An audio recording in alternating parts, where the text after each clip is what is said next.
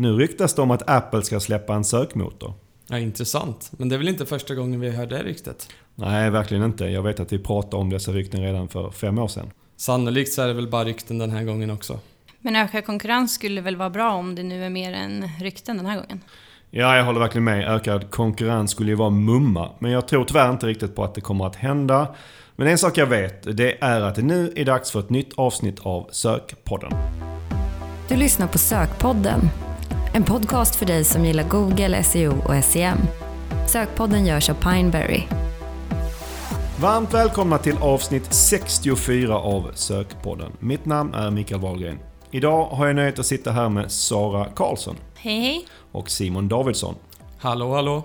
Våra tre ämnen för dagen är lönsam tillväxt, sen kör vi en SEO-klinik och så avslutar vi med söktermer som försvinner. Hur är läget med er idag? Jo, men det är bara fint tycker jag. Det är bra här också. Mm, och det är ju första gången sedan Corona satt klorna i oss som vi är tillbaka och spelar in vid vårt kära pingisbord igen. Hur känns det? Ja, men jag har faktiskt saknat kontoret och pingisbordet här, så att eh, det känns lite extra skönt att vara tillbaka på kontoret igen. Även om vi inte är här varje dag. Nej. Och jag tycker det är skönt att sitta tillsammans i samma rum och spela in. Ja, det blir en liten annan dynamik faktiskt. Och pingisbordet är ju ändå ganska hyfsat stort, så det är, det är väl nästan coronasäkert avstånd i alla fall. Ja, men det skulle jag nog vilja säga. Mm. Vad bra, Eh, då kör vi väl igång dagens första ämne. Idag tänkte vi börja prata om ett kanske lite bredare ämne än vad vi brukar göra här i Sökpodden. Men vi ska försöka hålla oss till marknadsföringsperspektivet och inte segla iväg alldeles för mycket. Ja, men det stämmer bra. Vi hade tänkt prata lite om begreppen lönsamhet och tillväxt. Och kanske framförallt då kombinationen av de två, det vill säga lönsam tillväxt. Och sen så hade vi tänkt att relatera tillbaka det då till Google Ads som kanal. Och det här vet jag, det här är ett ämne som du brinner lite extra för Simon. Ja, men det stämmer. Vi är ju väldigt detaljorienterade annars när vi jobbar och ganska nördiga, vilket vi också ska vara. Eh, Men det kan också vara kul att zooma ut lite och ta ett lite större perspektiv på saker. Och med just begreppen lönsamhet och tillväxt är ju också otroligt viktiga frågor som får väldigt stora liksom, inverkan på det vi håller på med här. Så att eh, jag tyckte det var ett, ett bra ämne att lyfta helt enkelt. Mm, jag håller helt med. Och det är något som av naturliga skäl kommer upp i alla våra kunddialoger och som påverkar oss genom allt vi gör egentligen. Ja, för det är ju så att majoriteten av alla, alla bolag som drivs av någon typ av tillväxtmål och eller lönsamhetsmål. Och vi här på Pineberry har till exempel ett, ett företagsmål både för tillväxt, alltså vår omsättning och vår avkastning, vår vinst. Eh, och eh, självklart finns det ju undantag från detta också. Ja, vi jobbar ju även med andra typer av organisationer som drivs av eh, andra syften. Eh, Exempelvis eh, välgörenhetsorganisationer och föreningar som inte alls jobbar med lönsamhet och tillväxt på det sättet. Men Simon, på vilket sätt skulle du säga att de här affärsmålen påverkar marknadsföringen? Ja, men det är ju så här att marknadsföringen någonstans bör ju sträva efter att stötta eller liksom spegla de här affärsmålen som man har som bolag. För oss så handlar det ju om att titta på hur vi på bästa sätt via våra kanaler kan säkerställa att det vi gör någonstans är i linje med företagets eh, affärer och företagets affärsmål. Eh, och det är ju dels utifrån vilken strategi vi väljer att ha och vilken approach vi väljer att ha. Men även såklart sen för hur man ska kunna utvärdera resultatet och titta på, okej, har vi gjort rätt saker? Ni nämnde ju att tillväxt och lönsamhet är en central del i våra dialoger med kunder och eftersom det hjälper oss att förstå behov och målsättningar. Men vilka utmaningar ser ni i, i det här arbetet och i den här dialogen? Men jag tror främst det kanske handlar om att implementera tankesättet just att det är inte alltid självklart upplever jag att man synkar sina affärsmål med sina kanalmål eller sin marknadsföring fullt ut.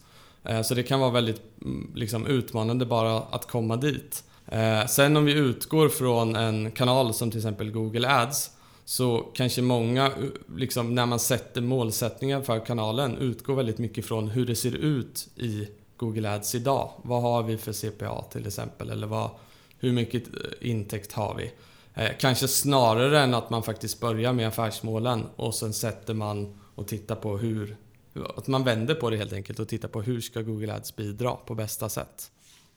Och en annan stor utmaning i en kanal som eh, Google Ads och även SEO är att sökbeteendet är eh, begränsat av hur mycket vi söker. Och, så man kan inte få ut hur mycket trafik som helst på specifika ord även om man skulle vilja.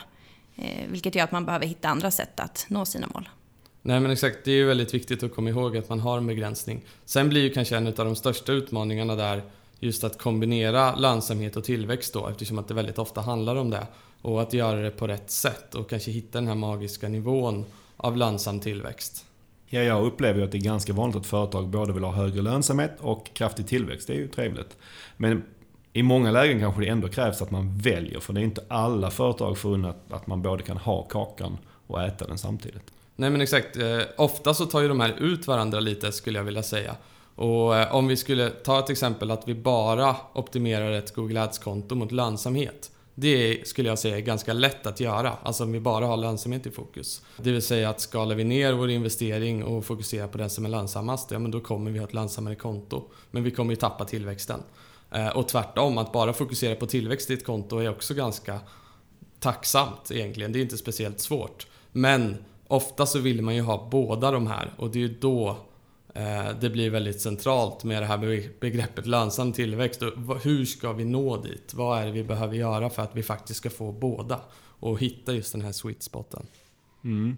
Och det låter ju bra och du säger att, att, det är viktigt att man ska försöka nå dit. Men hur, hur gör man det? Vad behöver man göra för att kunna lyckas med lönsam tillväxt? Ja, men det, det är ju, jag skulle säga att det är ju, det är ju väldigt komplext och det är väldigt stort. Men vi har haft många fina tillväxtresor och man har fått vara med många företag på de här resorna. Det går ju att få till eh, och eh, vi har hittat lite insikter som vi tycker är gemensamma nämnare på våra kunder i alla fall.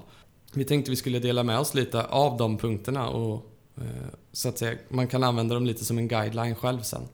Mm. Det låter ju bjussigt Simon, men det är lite så det ska vara här i eh, sökpodden. Ja, vi kan väl tillägga att det oftast är en mix eh, och vi nämner ju inte alla faktorerna här men ja, här kommer i alla fall några som vi tycker står ut lite då. Okej då Simon, vilka är då de här några av de viktigaste faktorerna som du ser så att man kan lyckas med att nå lönsam tillväxt? Ja, jag tog ut eh, sex faktorer här då. Eh, och eh, om vi börjar med den första så är det ju de externa faktorerna. Eh, och med externa faktorer här så menar jag ju vad är det som händer i omvärlden? Till exempel ett förändrat sökbeteende. Det här styr vi ju inte över själva som bolag men det får ju en enorm konsekvens för hur bra vi lyckas med vår annonsering. Eh, och ett exempel då kanske är coronakrisen som, som på många sätt har ja, men ställt till det för många men även öppnat möjligheter för andra. Vi ser ju att vi handlar mer online eh, inom väldigt många sektorer. Och eh, vi gör helt enkelt fler sökningar så det finns fler lönsamma sökningar att eh, kapitalisera på. Så där finns det ju många segment som har gått mycket bättre. Så det är det första. Och det handlar ju om att man utnyttjar de möjligheterna när de dyker upp helt enkelt. Ja, men precis. Och det går ju såklart att påverka ett sökbeteende. Men det i sig kan ju vara ganska dyrt så man behöver ju lite draghjälp här av andra faktorer utifrån. För att vi faktiskt ska kunna dra nytta av det fullt ut eh, i vår egen annonsering. Mm, det var punkt ett. Punkt två? Ja, eh, och då kommer vi in på kontotekniska aspekter. Och vi skulle ju inte bli så, så detaljerade i det här avsnittet, men vad vi väljer att göra i Google Ads får ju en jättestor betydelse och hur vi rent kontotekniskt jobbar med Google Ads. Eh, om vi bara ska ta ett exempel så tycker jag att det här med begränsade budgetar är väldigt bra. Om vi har två kampanjer eh, som är begränsade i budget och en av de kampanjerna går mycket bättre än den andra kampanjen. Alltså den är mycket lönsammare för oss och vi, vi ser att vi får en bättre eh, CPA eller ROAS eller vad det är vi jobbar efter för KPI. Då, bara genom att vi egentligen allokerar om budgeten och spenderar mer pengar på den kampanjen som är lönsammare och går bättre så uppnår vi ju lönsam tillväxt i kontot. Eh, så det är ett sådant konkret exempel. Eh, sen finns det väldigt många fler. Det är en bra poäng. Vi har ju pratat om begränsade budgetar flera gånger här i sökpodden att det är ett gissel. Och om man undviker det så, så, så är det också självklart att man kan i större utsträckning eh, säkerställa att man får just den lönsamma trafiken som man kan få. Ja men precis, så säkerställ att kontotekniskt att det är uppsatt korrekt helt enkelt i ditt ads-konto. Då tar vi punkt tre. Ja, och om vi tittar på punkt tre då så har vi diversifierad eh, och marginalfokuserad målsättning. Och det jag vill komma till här det är att man i Google Ads väldigt ofta använder en och samma målsättning eh, för alla sina tjänster eller alla sina produkter. Och om man istället diversifierar dem, alltså att man bryter ut målsättningarna inom kontot, Eh, så kan man få ut mer tillväxt utan att det går ut över resultatet. Eh, I bokslutet då kanske främst. För att det skulle faktiskt kunna vara så att om vi blir aggressivare på vissa håll i Google Ads och mindre aggressiva på eh, andra håll, på andra produkter eller tjänster, så skulle ju kanske resultatet i Google Ads se sämre ut. Men om vi vet att vi har bättre marginaler på vissa saker eller vi har högre ordervärden så, så kan det ändå se bättre ut i bokslutet även om Google Ads som kanal ser sämre ut. Så här måste vi skilja på det och återigen ta någonstans affärsperspektivet på det hela. Skulle vi ta ett konkret exempel, säljer vi två tjänster för samma ordervärde eh, när vi får samma intäkt, men där den ena tjänsten är dubbelt så lönsam, då kan ju en ny kund på den tjänsten få kosta betydligt mer för oss. Eh, och eh, det kommer se sämre ut då när vi tittar på Google Ads kanske, för vi har ökat investeringen. Och potentiellt så kanske CPA inte har sjunkit. Men när vi tittar på bokslutet sen så kommer vi se att vi sålde mer av den här, den var lönsammare och därför så kommer vi ju ha uppnått lönsam tillväxt som företag. Och här handlar det väl lite om att man ibland kanske som annonsör gör det lite för enkelt för sig. Att man bestämmer vad är en kundvärde eller vad är en ordervärde och sådär. Men det beror på vad är det för order och vad är det för kund du får in. För det, det kan ju vara att olika kunder är värda olika mycket och olika orders är värda olika mycket. Och, ja. gör, och gör man det här lite mer raffinerat, då kan man också säkerställa, som du säger, att man kan växa med högre lönsamhet. Ja, men precis. Så att eh, där skulle jag säga att väldigt många har väldigt mycket att jobba på. Mm. Eh, så det är ett bra tips att verkligen börja se över den delen. Det är ju kul att vi har någonting kvar att göra också, eller hur? Ja, men exakt. Vad bra, då tar vi punkt fyra. Ja, eh, och där handlar det ju om att, som Sara var inne på förut, så vi är ju begränsade någonstans. Det finns ett begränsat sökbeteende i Sverige på specifika produkter. Eh, och det handlar ju om att expandera med fler produkter eller tjänster. Det blir ett sätt för oss att öppna upp för fler möjliga söktermer att synas på. Och eh, därmed så har vi ju större möjligheter att, att hitta ny trafik som är lönsam och som vi kan växa med. Här har vi ju en jättemöjlighet att hela tiden titta på, är tillväxt viktig för oss? Eh, är lönsam tillväxt viktig? Ja, men vad kan vi göra mer som företag? Vilka tjänster kan vi erbjuda mer än det vi gör idag? Vilka produkter, nya eller nya varumärken kan vi ta in för att säkerställa att vi hela tiden jobbar mot den här lönsamma tillväxten i Google Ads då? Mm. Och det där är det viktigt att man, för det är oftast när man sätter mål för Google Ads så tänker man, ja men hur kan vi optimera inne i Google Ads? Vilka förändringar kan vi göra där för att det ska bli bättre? Du har varit inne på vissa redan. Men vissa saker kan man ju faktiskt göra utanför. Att, att det kräver att man gör förändringar i företaget, i ens produkter och tjänster, för att även Google Ads ska gå bättre. Ja men verkligen, och jag skulle säga att man glömmer väldigt borta bort de här mm. aspekterna. Men många av de här punkterna handlar ju faktiskt om att man som organisation eller företag faktiskt bidrar på fler plan än att man bara tittar enskilt på Google Ads. Mm. Punkt 5. Nästa punkt handlar om eh, nya marknader. Ja, när man har kommit till en punkt där man känner att man har någonstans eh, köpt, man har hittat diversifierad målsättning, man har kanske utökat eller breddat sin, eh, sina tjänster eller produkter. Då måste man ju börja titta på, och vi kanske har liksom tömt ut alla möjligheter eh, som vi har, eller många av möjligheterna att nå eh, lönsam tillväxt i Sverige. Då kanske vi ska börja titta på fler marknader. Kan det vara så att vi kan bredda oss?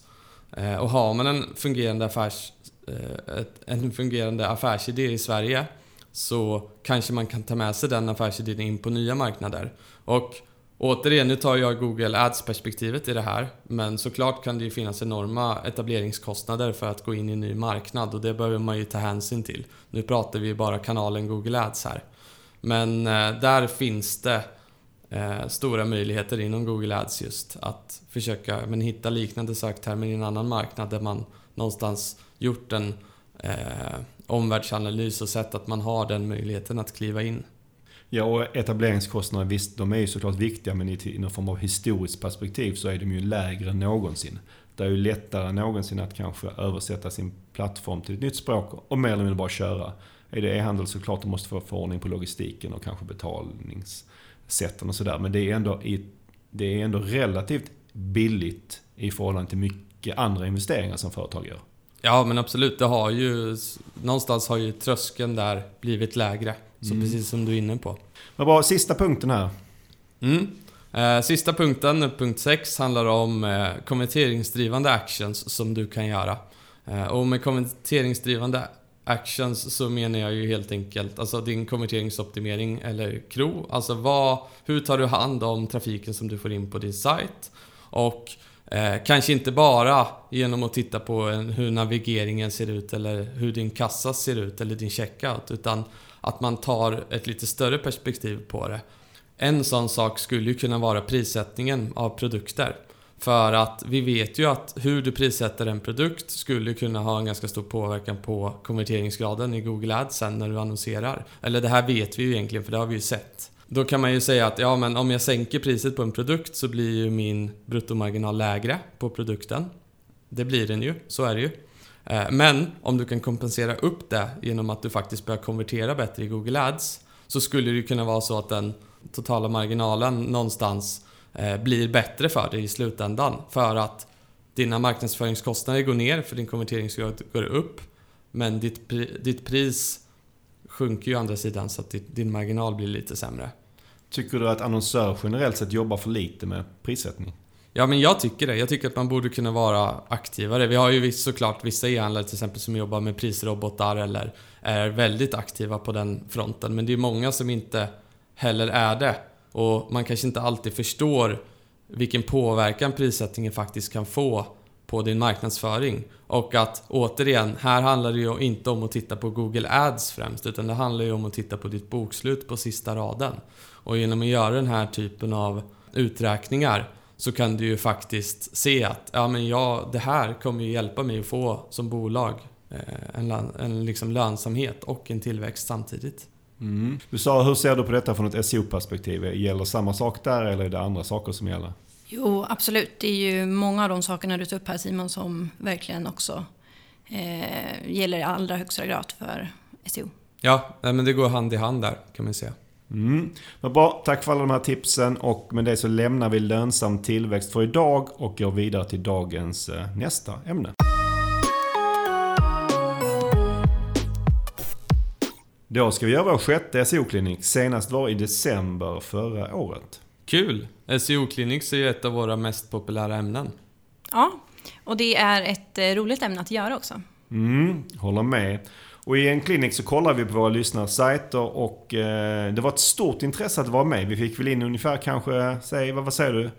Sara, var det 20 stycken ungefär? Ja. Och av dessa så har vi valt ut tre stycken som är med här idag. Hur har vi valt ut just dessa tre? Ja, vi har väl försökt välja lite olika typer av sajter så att det förhoppningsvis blir så intressant som möjligt för er lyssnare.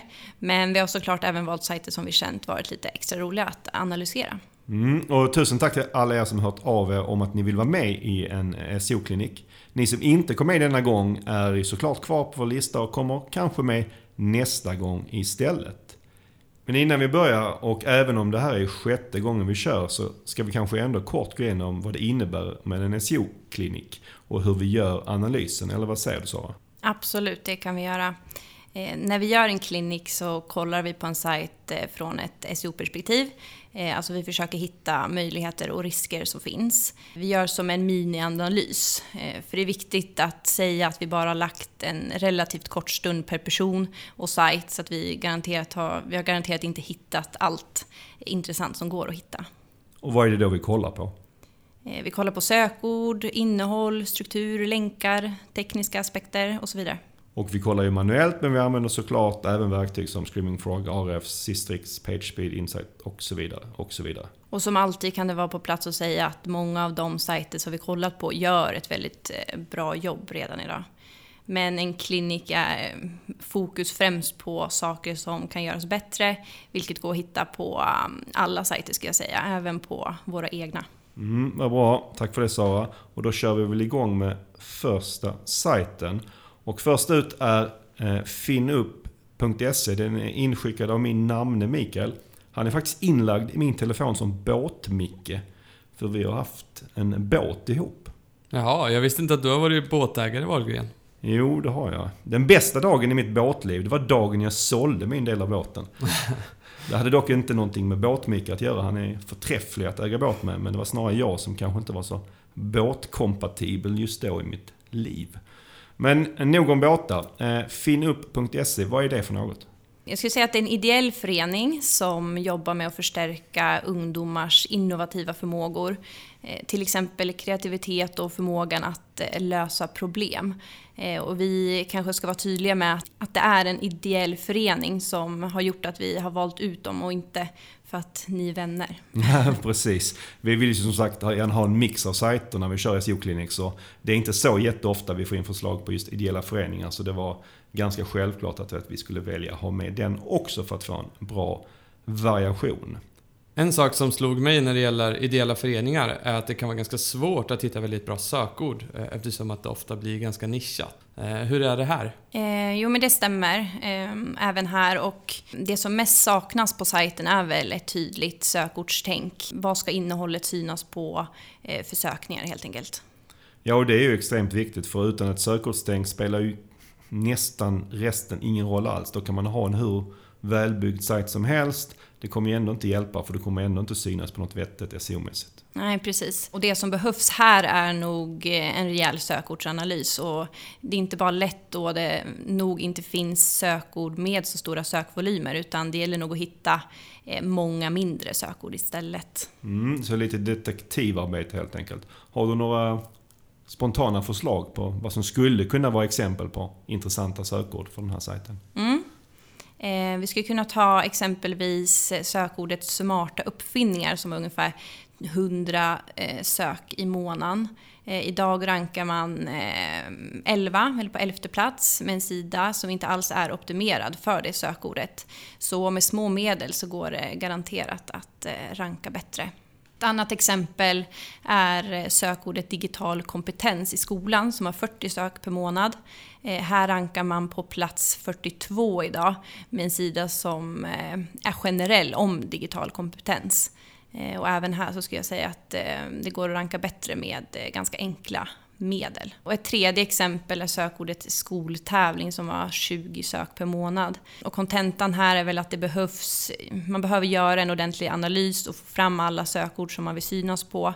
Eh, och det kommer eh, som sagt eh, säkert vara ganska många sökord med relativt låga sökvolymer. Ja, för det handlar ju säkert om att man ska hitta det kanske är 100 sökord fast med ganska låg sökvolym på varje. Det är väldigt mycket sökord som sannolikt ska hittas. Ja, precis. Och innan vi lämnar det här med sökord så skulle jag vilja ta upp att de har skrivit en artikel som rankar tvåa på sökordet robotar i framtiden som har 100 sök i månaden. Och det är också ett bra exempel på sökord helt enkelt. Och att identifiera den här typen av aktuella ämnen och skapa innehåll eh, utifrån det är också bra på Google men också bra eh, för andra kanaler som till exempel Facebook. Finns ju ganska bra synergier när man hittar den typen av ämnen. Ja, Sökordstänket är ju den helt dominerande saken för att finna upp, eh, har vi redan konstaterat. Men har vi någonting annat som är värt att nämna? Mm, det finns lite smått och gott. Eh, bland annat så har man väldigt många sidor indexerade, över tusen stycken. Men det är ganska få av dem som faktiskt är riktiga sidor med eh, innehåll, eller riktigt innehåll. Eh, och det ser ut som att det finns många tomma sidor och olika typer av attachment-sidor. Så det är någonting jag tycker att man skulle kunna gräva vidare i. Mm, och det här är väl ett bra exempel på när vi har hittat en sak men kanske inte grävt hela vägen till botten. För att här får man nog lägga ännu mer detektivarbete på att se varför de här sidorna finns. Men det är helt klart så att det finns ett, väldigt många fler sidor än det borde finnas indexerade mm. utifrån det innehållet som finns. Exakt. Och sen var det någonting med pdf som du hade hittat? Ja, det finns en del pdf-er eh, indexerade men ett eh, exempel är en pdf om patent som gans, eh, rankar ganska bra på sökningar kring just eh, patent. Eh, men skulle man eh, skapa en riktig sida istället för en pdf så tror jag att man skulle kunna ranka mycket bättre. Hur är det med länkar för den sajten? Många sajter sliter ju hårt med att få bra länkar men den här typen av sajt brukar ju naturligt få många bra och ja, många bra länkar helt enkelt. Eh, så även här. Det blir extra viktigt att ta hand om sina länkar. Har man gjort det i det här fallet då tycker du? Mm, ja, det finns ganska många så kallade 404-sidor på sajten. Eh, och förutom att det rent allmänt är dåligt så pekar länkar från ungefär 16 fina domäner till de här sidorna. och det är egentligen länkkraft då som går till spillo. men som enkelt skulle kunna gå att återvinna med en 301. Ja, och även om Finup då har bra och fina länkar idag, som den här typen av sajter ofta har, så skulle man nog med hyfsat enkla medel, i alla fall jämfört med andra sajter, kunna få ännu fler. Exempelvis genom att kontakta alla sponsorer man har och alla de myndigheterna som på något sätt är inblandade i verksamheten. För många av de här kommer sannolikt gärna länka och eh, det skulle ju vara väldigt fina länkar att få. Eh, och så går vi vidare till laddtid, för det har vi också kollat på lite här för den här sajten.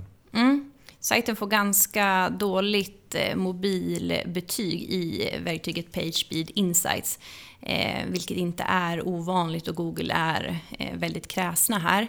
Men anledningen att jag tar upp det är att en av de största sakerna som Google tar upp handlar om bilder. Och att skicka bilder i modernare format, i rätt storlek och att koda dem bättre. Så genom att göra en riktad insats då kanske mot just bilderna kan man få en betydande effekt på det här betyget och förhoppningsvis förbättra laddtiden. Ja, precis. Sen är det kanske inte det viktigaste för ranking, men jag tänker många bäckar små. Mm. Och en annan sådan bäck, det är ju att en stor andel av sidorna har väldigt korta titlar. Mm. De använder inte det utrymmet som finns för att få med exempelvis sekundära sökord. Det hänger säkert ihop med att man inte har gjort en fullskalig sökordsanalys här. Vi kan ta ett exempel. Det har en sida om bedömningsstöd där titeln idag är bedömningsstöd bindestreck finup. upp. Eh, här skulle man kunna ändra så att titeln istället blir bedömningsstöd till lärare i skolan. Då får man med både lärare och skolan och ökar chansen att synas på kombinationer av de eh, sökorden i kombination med bedömningsstöd. Mm. Bra tips Sara. Tack för det och tack igen Micke som eh, skickade in sajten och då går vi vidare till sajt 2 i vår klinik. Nästa sajt i vår klinik är emfotboll.se, en informationssajt om allt kring just EM-fotboll. Den har skickats in av Anders som varit med i branschen under många, många år. Mm, det märks att eh, Anders är duktig på SEO. Jag hittar inte några jättestora problem. Sajten är, eh, har mycket bra innehåll och det är väl kategoriserat och eh, de har en hel del bra länkar. Men något har vi väl hittat till Anders? Jo, men det har vi. Och det gör man väl i princip alltid. Men i det här fallet handlar det, om, handlar det mest om finlir.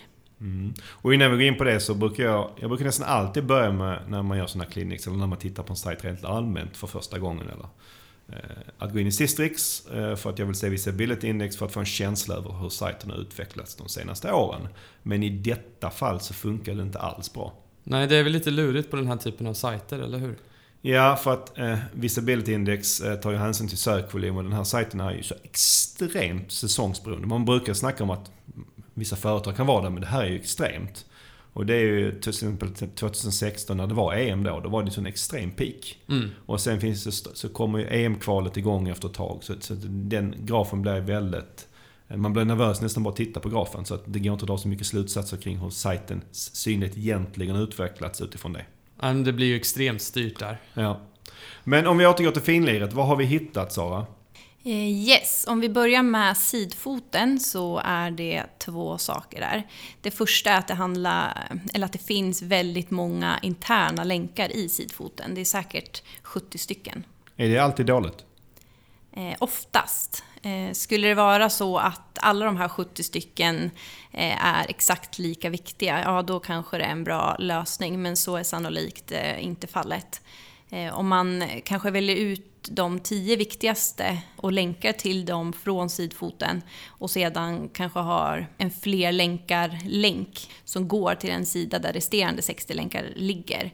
Eh, då fokuserar du din länkkraft till där den behövs mest. Eh, och detta är ju extra viktigt och länkarna ligger site-wide i sidfoten eh, på en sajt med många sidor. Det handlar alltså om ja, väldigt många länkar helt enkelt. Ja, det säger sig själv. Har man 1000 sidor och 70 länkar så är det... Jag räknar snabbt i huvudet här Simon. Det blir 70 000 länkar va? Mm, exakt. Så det, är- det, Ganska många. Det är ganska många länkar vi Ja. pratar om. Sen var det en till sak med sidfoten. Ja, den är kanske inte lika viktig i och med att det bara handlar om en länk, men det är en poäng vi brukar ta upp och det är att det finns en länk till Facebook som då även ligger site-wide. Vilket innebär att ganska mycket länkkraft eh, skjuts ut externt. Och hur tycker vi då att man ska lösa det här istället? Det bästa är väl om man om länken pekar till en intern sida som berättar om ens Facebook-sida och därifrån sen länkar ut till Facebook. Eh, då blir det en utlänk istället för att eh, i det här fallet bli tusentals. Eh, och dessutom finns det även en länk till Facebook i sidomenyn här så det blir dubbla sitewide-länkar. Och sen hade du väl något om titlarna, eller hur Sara? Ja. På alla kategorisidor på sajten finns fotbolls-EM 2021 i Europa med som en del av titeln. Lite som att man har med varumärket eller sajtens namn i titeln.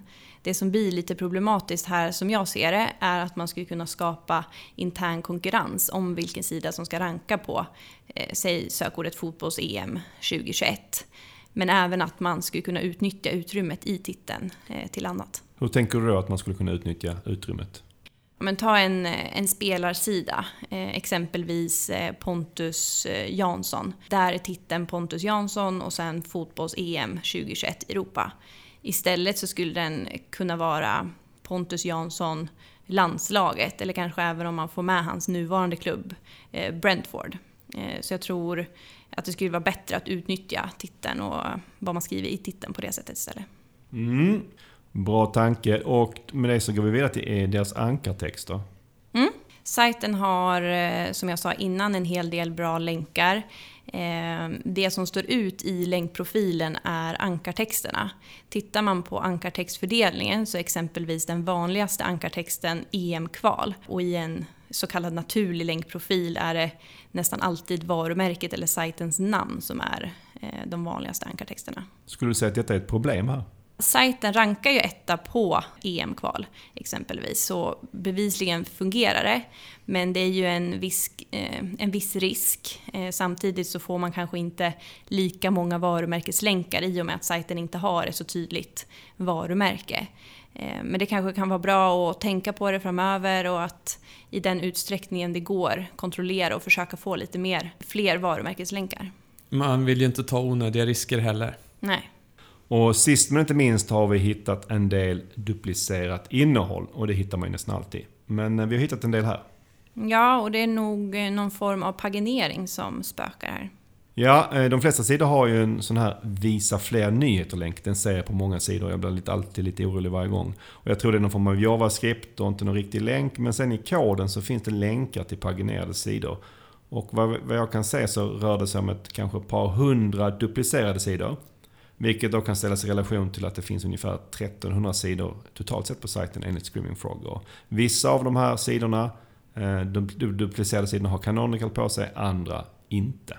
Mm. Och det är värt att gräva vidare i för om de duplicerade sidorna inte fyller någon funktion, vilket vi inte tror, ehm, eller det går inte riktigt att klicka sig in på dem, så är det ju bättre om man tar bort dem och redirectar. Om det skulle vara så att de är kvar så bör man väl säkerställa att det har unika titlar och rubriker. Det vill säga att man eh, skriver sida 3 i titeln och i rubriken om det är sida 3 i pagineringen och så vidare. Mm. En typ av sidorna där vi såg detta var på författarsidorna där det finns en paginering. Exempelvis finns det 33 paginerade varianter av Anders egen författarsida. Och vad jag kan säga så är alla ute indexerade av Google. Mm om de ska finnas överhuvudtaget så är det ju bra att, förutom unika titlar och rubriker, att boilerplate-texten som finns på de här sidorna, eh, det vill säga brödtexten, att den bara finns på första sidan i pagineringen. Ja, och just denna boilerplate, alltså i detta fallet en beskrivning eh, av Anders, det noterar att den fanns identiskt på massa andra sajter. Eh, hur ska man tänka här? Det är väl inte helt optimalt heller, framförallt inte nu när texten dessutom finns på många sidor på varje eh, sajt på grund av pagineringen. Eh, så kan och orkar man är det ju bra om den skrivs om lite för respektive sajt. Mm, det var allt finlir vi hade, eller hur? Yes. Då tackar vi Anders och går vidare till den sista sajten i vår klinik. Sist men inte minst i dagens klinik har vi sajten smslånonline.se som är inskickad av Simon. Precis som Anders på emfotboll.se är Simon en profil i branschen och har jobbat med SEO ja, sedan urminnes tider. Och jag fick ju lite prestationsångest faktiskt när han skickade in sin sajt. För jag, jag känner ju till den sedan tidigare mycket väl. Och jag vet inte riktigt vad jag ska kunna hitta som Simon själv inte redan har tänkt på. Men jag tänkte ändå så här, det är ju ett intressant case så att vi kör det ändå. Simon skrev ju på LinkedIn att sajten tappar typ 90% av intäkterna. Ja, precis. Och vi kanske ska börja med en liten bakgrund till sajten. För när Simon lanserade sajten 2013 var målet att skapa en jämförelsesajt inom sms-lån som var annorlunda än det som fanns då. Och det var fullt fokus på transparens och att öppet visa upp allt. Och det har ju minst sagt funkat bra för att under många år så rankade sajten väldigt, väldigt bra. Det har varit mycket snack om sajten i vår bransch vilket gett lett till länkar. Eh, men nu har den då som sagt tappat 90 procent av intäkterna. Och det är med, mot denna bakgrund som vi har vårt fokus i, i kliniken här och att försöka förstå vad det är som har orsakat tappet och kanske inte söka efter eventuellt finlir. För vi tror inte att det är något finlir som har gjort att man har tappat 90% av intäkterna. Men har vi någon teori kring vad vi tror det är som skulle kunna ligga bakom det här tappet? Ja, alltså en, en första naturlig tanke är att det på senare år blivit mycket, mycket mer aggressivt i alla lånesäpar. Och att det nu lönar sig, just nu lönar det sig att vara väldigt, väldigt aggressiv. Och Simon har haft en helt annan approach med denna sajt och det skulle kunna vara svårt men det tror vi ändå inte att det är. Ja men intressant. Men vad, vad skulle det kunna vara då? då? Ja, men vi, vi nämnde ju att Sistrix inte visade på utveckling på ett bra sätt för emfotboll.se men den gör jobbet desto bättre här. För tittar man på eh, Visibility Index för den här sajten så ser man att de gjorde ett rejält tapp när eh, Medic Update kom 2018. Sen återhämtade man sig faktiskt i samband med Medic 2 som kom senare under eh, samma år. Och sen nästa stora ras var i samband med Core-updaten i juni 2019. Och sen ser man även ett tydligt tapp i Core-updaten som var i januari 2020 och sen ett allmänt fortsatt eh, tapp. Så du skulle säga att eh, sajten har påverkats mycket i de senaste årens olika Core-updates? Ja, det skulle jag säga. Det är väldigt tydligt. Men vad, vad är det som gör att vi tror att de har tappat, även om vi ju ser sambandet? Men vad, vad tror vi att det beror på? Ja, och det är ju här det börjar bli lite svårt och säkert något som Simon har fått gråa hår över att fundera över. Jag tänker att det är nära till hands att tänka på EAT. Ja, absolut. Medic Update och senare Core Updates har ju i alla fall delvis handlat om EAT. Och vi pratade ju om EAT för 10 avsnitt sedan i avsnitt 54. Och om jag inte missminner mig helt så sa jag då att jag tycker att begreppet EAT är ja, lite flummigt kanske, men det som bygger upp IT är ju eh, betydligt mer eh, konkret. Ja, och då sajten eh, definitivt är i Your Money Your Life-segmentet så är det ju mer sannolikt att det rör, rör sig om IT. Ja, så är det ju såklart. Sen är det ju så att även om sajten då tappat 90% av intäkterna, så, vilket är ju väldigt, väldigt mycket, så har den inte tappat till avgrunden rankingmässigt. Och, denna typ av tapp Eh, som vi ser här, när man kanske tappar från sig en tredje position på ett sökord till kanske ligga runt tiondeplatsen. Här är det ju mycket svårare att sätta fingret på vad orsaken är än om man säger att man tappar till plats 100. För det är inte så att Google helt ogillar sajten längre, det är bara att de gillar inte den riktigt lika mycket. Men eh, då blir man ju lite nyfiken på vad det är som gör att Google inte gillar den riktigt lika mycket längre. Om vi antar att det är IT-relaterat som vi var inne på och att Google i dessa uppdateringar ändrat sitt sätt hur de försöker bedöma trovärdigheten i en sajt. Så har jag två teorier. Och jag vill betona att det just enbart är teorier för att jag, jag, vet, jag vet inte. Den första teorin är att det handlar om länkar. Simons sajt har, en bra, har bra länkar och det är inte det. Men den har kanske en mindre andel ekonomilänkar än andra sajter. Och det är inte för att han inte har ekonomilänkar utan det är för att han har ju fått massa andra länkar, kanske bland annat från SEO och affiliate-communityn för att han varit så öppen med sajten. Det har attraherat ganska stort intresse. Eh, som har varit en stor fördel under många år, men nu kanske det då eventuellt ligger honom lite, lite i fatet. Så här skulle man kanske kunna testa att öka andelen länkar från ekonomisajter. Men det är ju ingenting man fixar på en eftermiddag direkt, utan det blir i så fall en ganska långsiktig förändring. Ja men det krävs ju lite tid för att ändra det så att säga. Ja och så är det man, eh, SEO är ju tyvärr att det krävs att man har tålamod. Så, och det vet jag att Simon har. Och han, det, det är inte idag det här hände. Det hände ju för, det började redan för ett, två år sedan den här mm. försämringen. Så att, men det är klart att det kommer ju säkerligen ta tid att ändra just den här grejen om det nu är det här. Ja, ja men det får man ju räkna med. Min andra teori är att bolaget och personerna bakom sajten inte är tillräckligt auktoritära inom ekonomi i Googles ögon då. För det betyder ju inte på något sätt att bolaget inte är trovärdigt. Utan det handlar som sagt om vad Google kollar på för att bedöma om en sajt är trovärdig och auktoritär. Och om man jämför med många av de sajter som rankar ovanför Simon så är det ju låneförmedlare och inte jämförelsesajter. Och där finns det en tydlig koppling mellan sajten och bolaget och att bolaget har kanske tillstånd då av Finansinspektionen så det finns liksom ett sammanhang som Google kan uppfatta som mer auktoritärt eller att det finns mer trovärdighet. Då. I Simons fall handlar det om sajten smslånonline.se som drivs av ett bolag som heter Next Lead Sweden AB. Som inte är då reglerad av FE eller något liknande. Och det finns liksom inte alls samma kopplingar här för Google att använda sig av. Men hur skulle man kunna lösa det då? Ja, det här är inte lätt då. Och handlar det om detta så tror jag kanske inte man kan matcha det på bolagsnivå. Utan lösningen i så fall kanske finns på personnivå. Att man skulle kanske försöka kunna knyta an sig en, en känd ekonomiprofil till sajten som producerar kanske innehåll eller på något sätt står bakom sajten. Och eventuellt använda det för att eh, öka sajtens trovärdighet då i Googles ögon. Mm. Det är klurigt. Det finns nog eh, ingen enkel eller snabb lösning på det där. Precis. Tack för att du skickade in din sajt Simon. Jag tror kanske inte vi sagt något som du inte redan vet eller tänkt själv. Men jag hoppas att ni som lyssnar tyckte att det var intressant ändå. Eh, för det, jag tycker det här är ett bra exempel på hur det ibland går när man jobbar med SEO. Mm. Och med det så stänger vi dörren för dagens SEO-klinik. Om du vill att vi kollar på just din sajt i nästa klinik, hör av dig så lägger vi det på listan. Och så går vi vidare till dagens sista ämne.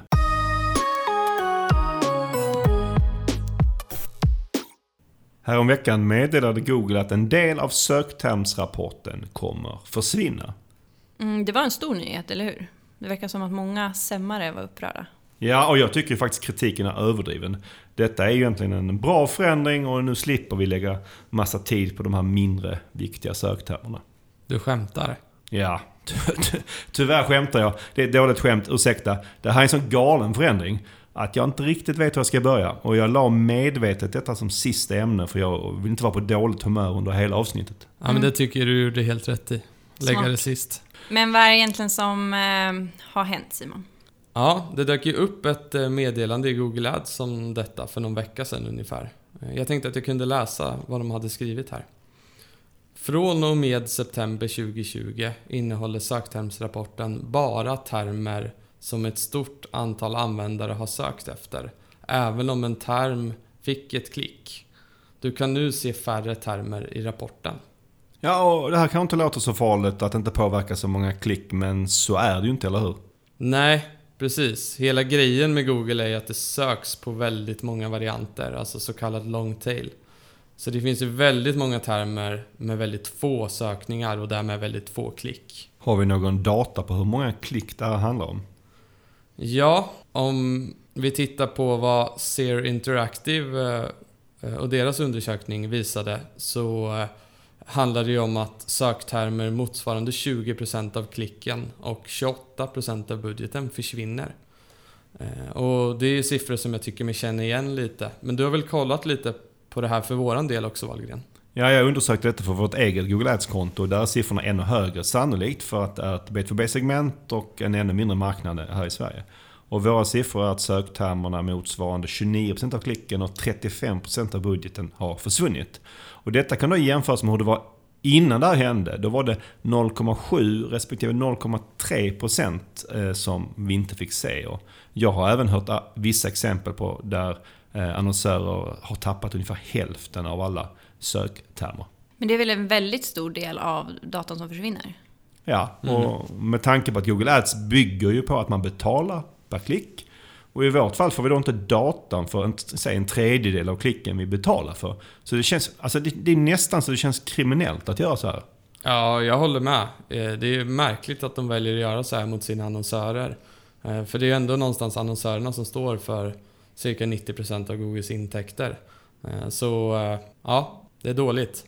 Men vad är Googles argument för det här? Ja, alltså anledningen till förändringen är, från deras sida det är ju eh, integritet. Och det hör jag nästan på din röst att du inte håller med om, eller? ja, ja, jo det är sant. Jag tycker nog att Google spelat privacy-kortet lite väl ofta och inkonsekvent för att man ska kunna köpa det rakt av. Alltså just när det gäller söktermer så började det redan 2013 när de tog bort mer eller mindre Eh, all sökordsdata för den organiska trafiken och ersatte den med det numera klassiska termen Not Provided. Och då var det många som var ungefär lika upprörda som nu, inklusive jag själv. Och det som var lite hycklande då, från min och många synvinkel var att Google tog bort datan från den organiska trafiken men behöll den från den betalda. Rimligtvis då om det var integriteten som var så viktig så borde man ju ha tagit bort den på båda för att det, är lika mycket integritetskränkande huruvida man har klickat på en annons eller organiskt. Så jag köper inte riktigt att det handlar om integritet även om det såklart teoretiskt sett finns googlingar som kan vara extra känsliga. Men det är inte 30% av googlingarna. Hade Google kanske endast exkluderat data för vissa typer av politiska googlingar eller medicinska saker, ah, då hade det varit lite lättare att svälja. Men nej, jag köper inte det. Ja, men man kan ju tycka att de borde hitta någon lösning på det där man ja, men inte väljer att plocka bort allt rakt av utan precis som du är inne på, lite känsligare sökningar. Det kanske skulle kunna vara adresser eller namn eller sådana saker också. Och att man kan hitta ett sätt att exkludera det utan att behöva göra det på det här sättet. Mm. Men vad är anledningen till det här då, som du ser det? Ja, och nu är jag väl kanske lite konspiratorisk, men för, för mig handlar det om pengar. Det här är ett sätt för Google att tjäna mer pengar och genom att vi inte nu kan se alla dåliga söktermer vi annonserar på eh, som en följd av de här olika matchningstyperna som finns kan vi heller inte enkelt undvika att annonsera på dem igen. Det vill säga det blir mer pengar till Google. Ja, och, och sätter man ihop den här förändringen med allt som hänt sista tiden med close variants till exempel, eh, så blir det ju ännu knepigare. Eh, och här skulle man ju även kunna lyfta in eh, produktlanseringar som smart shopping exempelvis, där man inte heller får full insyn. Så från att ha mer eller mindre full kontroll och transparens över vilka googlingar du syns på som annonsör, eh, så blir det ju nu lite mer av ett virrvarr av förändring som ja, egentligen bara minskar kontrollen för annonsören och, och göra Googles plånbok. Det är lite så man, man kan se på det. Ja, och lite som du var inne på Simon. Hade det handlat om eh, då bara integritet, då hade man kunnat hitta en lösning utan att det hade drabbat annonsörerna lika mycket som det gör nu. Man skulle exempelvis kunna kanske tänka sig att de här eventuella känsliga klicken som finns, att man inte får dem på dagsbasis, utan mm. bara kanske efter att en månad är slut. För vet man inte vilken dag klicket kommit, då är det ju väldigt svårt att koppla ihop den söktermen med en specifik individ. Ja, men exakt. Och det jobbar ju väldigt många smarta personer på Google. Eh, så eh, hade man velat hitta en lösning som blev bra för annonsörerna och kunderna, då är jag ganska säker på att man, ja, man borde kunna göra det helt enkelt. Var tror du att detta slutar Simon? Finns det några söktermer alls att se om några år? Ja, alltså hade du frågat mig för ett par år sedan så hade jag sagt att de är heliga. Eh, det kommer, det kommer alltid att finnas där. Eh, men eh, alltså med tanke på den utveckling som jag sett sista tiden nu på, på flera håll så känns det som att allt är möjligt och jag är inte alls lika övertygad längre att, att vi kommer få ha dem kvar fullt ut även framöver utan jag tror att det kan, det kan ske ännu fler saker inom det området. Men jag hoppas verkligen inte det. Och anledningen till att vi är så är upprörda som vi är är ju att det är ju inte direkt en oviktig del av Google Ads. Nej, verkligen inte. Eh, jag skulle säga att det är absolut en av de viktigaste funktionaliteterna. Jag har svårt att se någon annan del av Google Ads som jag mer ogärna skulle vilja bli av med faktiskt. Eh, det, det här är någonstans, som vi var inne på, lite heligt för oss. Eh, att, och jag kommer på mig själv, jag är inne där väldigt ofta.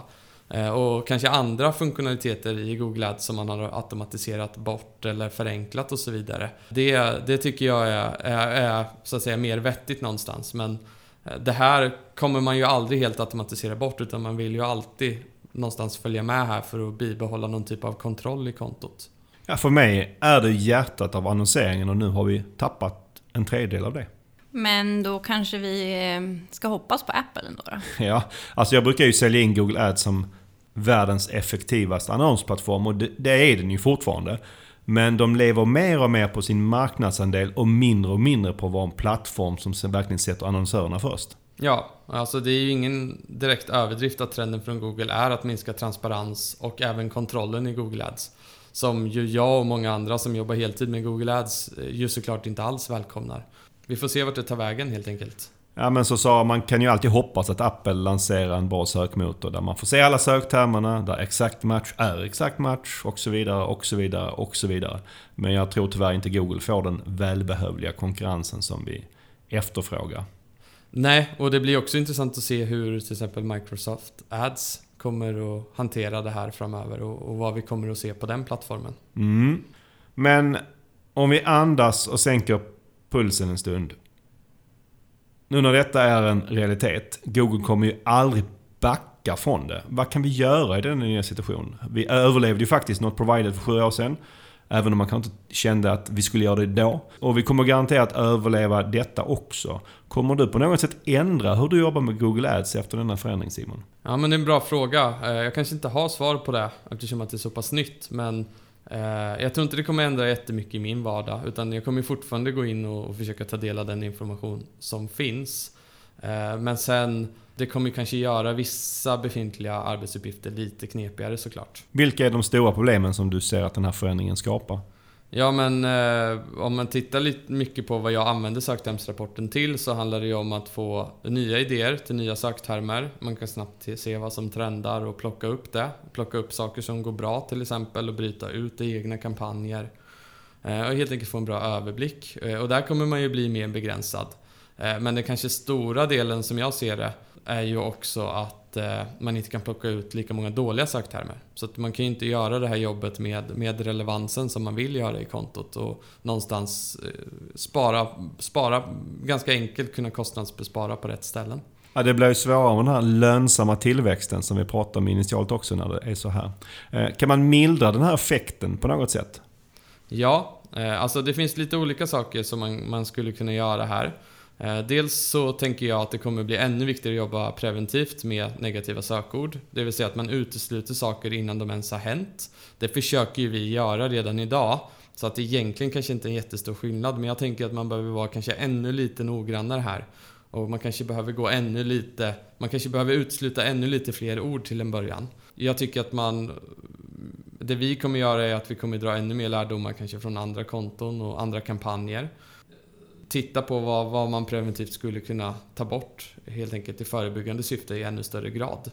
Och här... kanske också använda sig i större utsträckning av andra verktyg som Ahrefs eller Google Search Console eller Google Suggest helt enkelt för att, att få, få mer inspiration Ja men det är ju alltid så när man börjar annonsera, framförallt om det är ett nytt konto som man tittar på, så gör man ju någon form av sökordsanalys. Man funderar vad vill vi synas på? Eh, och man lägger lite tankar också på någon form av negativ sökordsanalys. Vad, vad vill vi absolut inte synas på? Men det som händer här är väl att man får lägga lite mer tid på det negativa. För att det finns mer att tjäna helt enkelt. Att initialt fundera på vad man inte ska synas på. Ja exakt. Så det blir, det blir ju ännu viktigare här. Eh, och sen är det ju även, skulle jag säga, en förändring som gör att du behöver tänka kanske lite mer kring din struktur i kontot.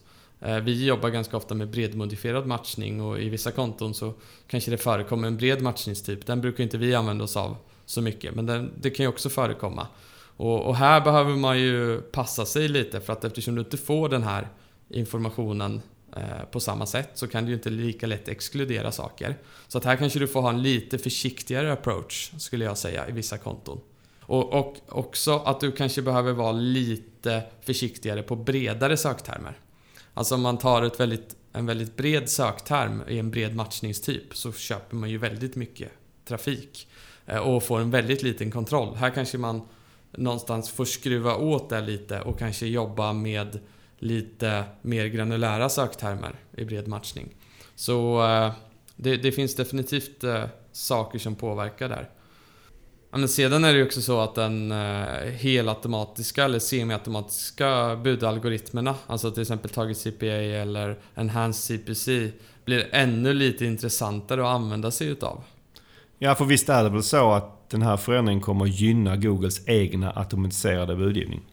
Ja, för de vi har ju fått det här bekräftat från Google att eh, Googles egna automatiserade budgivning fortsatt har tillgång till alla söktermer. Så de kommer ju få ännu en liten fördel där på oss helt enkelt. Och här finns det alltså ingen integritetsproblematik. Det är konstigt. Ja. Och att den eh, automatiserade budgivningen får en fördel här är också någonting som man kan vara ganska säker på att Google inte är direkt ledsna över. Nej, någonstans de vill ju att alla annonsörer flyttar över till en helautomatiserad budgivning och jag menar vi är ju på väg dit. Vi har gjort det med många kunder så det är inget konstigt men det här blir ju som sagt ytterligare en anledning till det. Mm, och det blir ju på något sätt extra tungt för alla externa budmotorer som kanske redan har det tungt. För att Google har ju satsat ganska mycket själv på att göra det ganska bra faktiskt de senaste åren. Men nu blir det ännu svårare för dem att eh, slå Google för nu eh, ökar Googles informationsövertag. Ja men verkligen, det har ju redan varit tufft för dem och det lär inte bli bättre av en sån här förändring heller. Vi vet ju att våra vänner på Google lyssnar på sökpodden och att de ibland kan reagera när vi har varit kritiska. Och idag har vi ju, ja, minst sagt varit eh, kritiska. Ja, och jag är ledsen att vi behövt vara så här kritiska Google, men ni gav oss faktiskt inget val i det här fallet. Eh, vi är, vi är ju långt ifrån ensamma att tycka så här också. Eh, så den här förändringen är ju helt enkelt inte rimlig för annonsörerna. Nej, jag håller verkligen, verkligen med. Och vi får väl hoppas att vi i nästa avsnitt kan prata om en nyhet inom Google Ads som är bra för annonsörerna och där vi är väldigt positiva och glada. Ja men verkligen, det hoppas jag också. Och med det så avslutar vi detta ämne och det är dags att runda av detta avsnitt av Sökpodden.